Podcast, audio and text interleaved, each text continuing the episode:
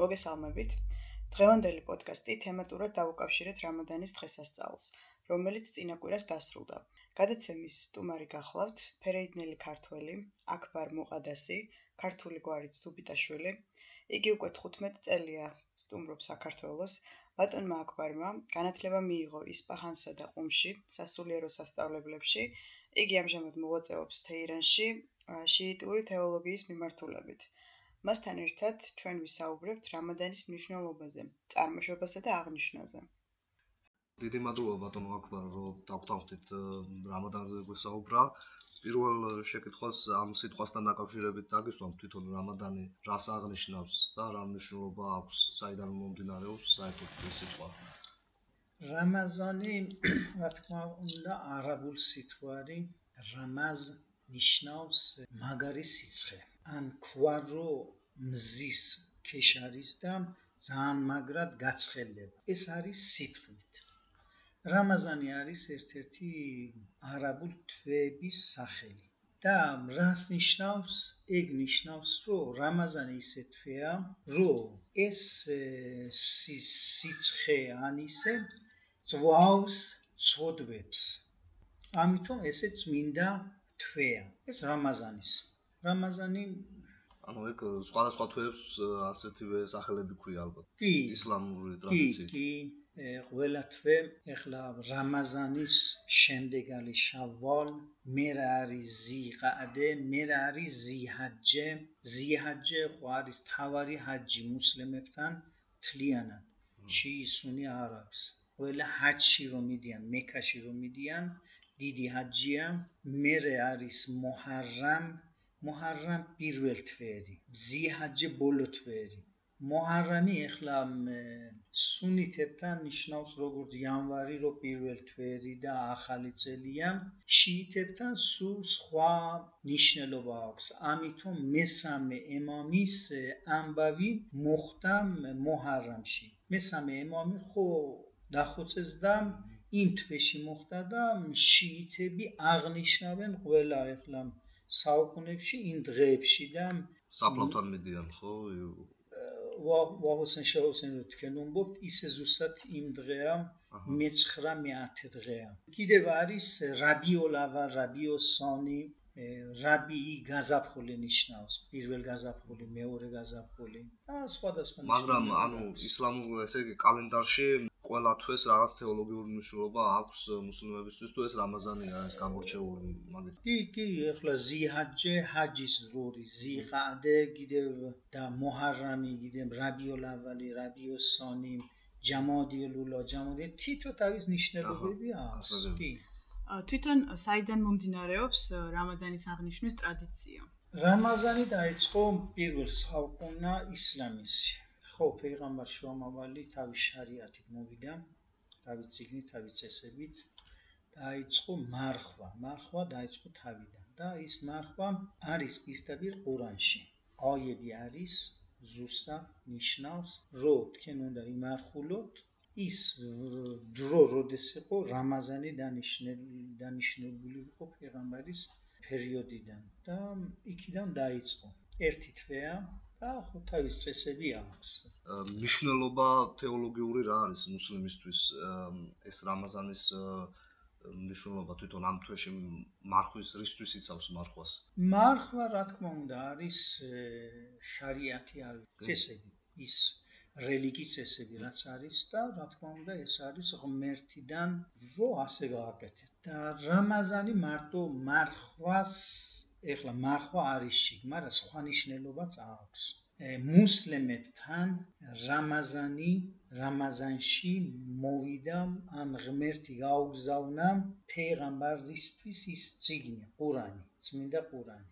და ყურანი ორჯერ ეხლა მოსულა, ერთჯერ 23 წლის განმავლობაში, ეს თითო თითო ეხლა ერთი ნაწილი მეორე ნაწილი და დროებით. ისლამური თეოლოგიაში არის, რომ ფეიღამბარზე მთლიანადაც მოსულა. ის რამაზანში მოხდა ეს ამბავი და ის ღამები, ის ღამე ზუსტად არიციან რომელ ღამეები. მაგრამ დაახლოებით იციან მე 19-დე, მე 21-ე, მე 23 ღამე და გაათენებენ იმის გამო, რომ ძალიან ნიშნელოვანი ღამე ყოფილა, ის ღამე რომ მთლიანად ყურანი ჩამოვიდა ფეღამბარზე.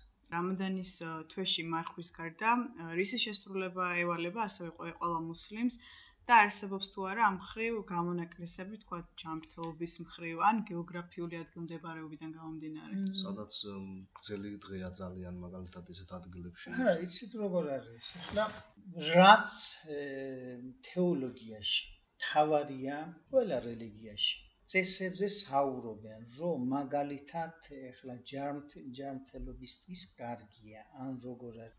ეს არ არის მიზანი და მიზეზი მორწმუნე ადამიანისთვის.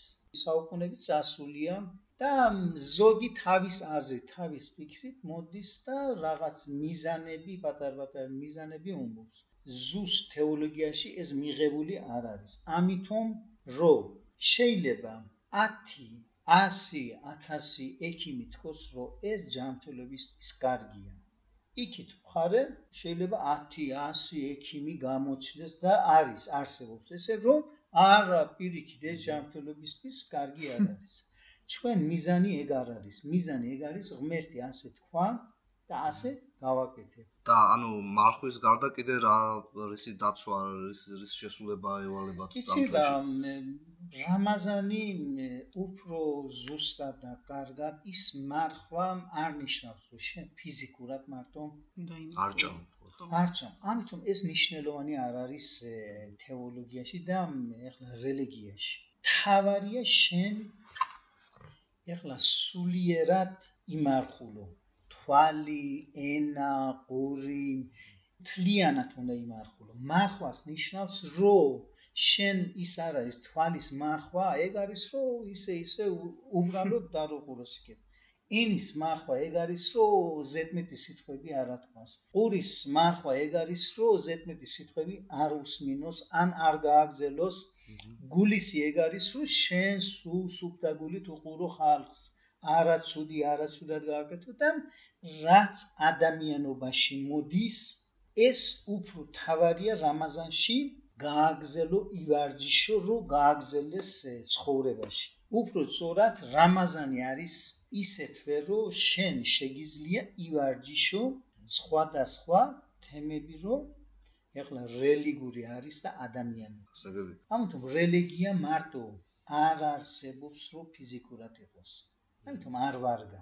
ეხლა მარტო ისლამში არ არის ეს ამბავი. ქრისტიანობაში არის ყველა. ამიტომ მარხვა არ არის დიეტა, დიეტეზე რო იყო. ის თუ სულიერად თუ გული თუ ყველანაირად შენ არ მარხულო, ის არ ვარდა, არანაირად არ ვარგა.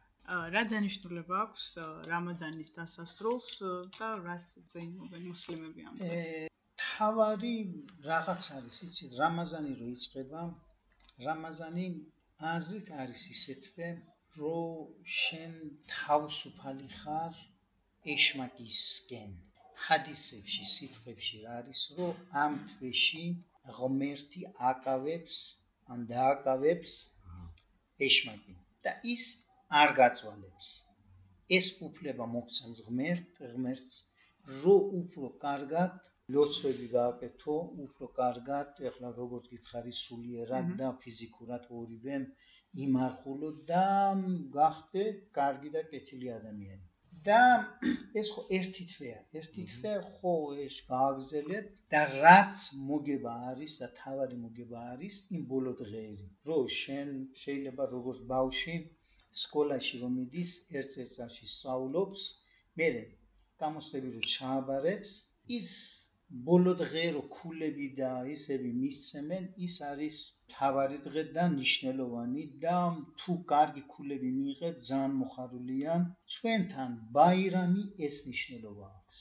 რო შენ მაგალითად ერთი თვე ჩაავარე ყველაფერი და ეხლა ელოდები ლოცვა არის ბაირამის დღე, ხო ფეთრია თავის სახელი ფეთრ, ეიდე ფეთრ. ბაირამ ბაირამის ფეთრი ან ფეთრის ბაირამი თავის ლოცვა აქვს და იმ ლოცვაში შენ ღმერთთან რო საუბრობ ეძახი მე რაც შენ მითხარი გავაკეთე და ეხლა ველოდები შენიდან საჩუქარიდან წყალობა. და ეხლა ველოდები აბა და ეს ბაირამი რა ანუ დასასრულს ნიშნავს თუ რას ნიშნავს? ბოლო დღე ბოლო დღე ბევა ის სიმართლეში ბოლო დღე არ არის. პირველ დღე მეორე თვესია. აჰა. უკვე ახალი თვე რო იწყება ხო. ის პირველი იქია. შავალ პირველ დღე ხვალე ისე დღეა და ეხლა ეს განსხვავება როგორ მოხდება გეოგრაფიულად მოხდება რა თქმა უნდა მაგალითად ირანი ხო აქეთ არის თურქეთი არაბეთი რა ვიცი იმარათი რა ვიცი ისინი იქეთ უფრო დასავლეთი არიან ირანში შეიძლება მე თვარე ვერ ნახო. ამიტომ თავარი მუსლიმებთან ეგ არის თვეები თვარის გამო გამოჩლება. თუ ნახავენ ხო პირველ დღე ძალიან პატარა არის და 10 წუთი მეტი არ გამოჩლება. ის თუ ნახავენ ის პირველი თვე პირველად იწყება. და რამაზანის თავი, ახლა თავიდან ნახულობენ ხო იწება ეხლა 29-30 მეტი არ არის არაბულ თვეები ბოლო 30 თვეა ამიტომ არაბულ წელი 10 დღე ნაკლებად არის ვიდრე ეხლა თქვენი წელი. ეხლა ის არის 355 დღე.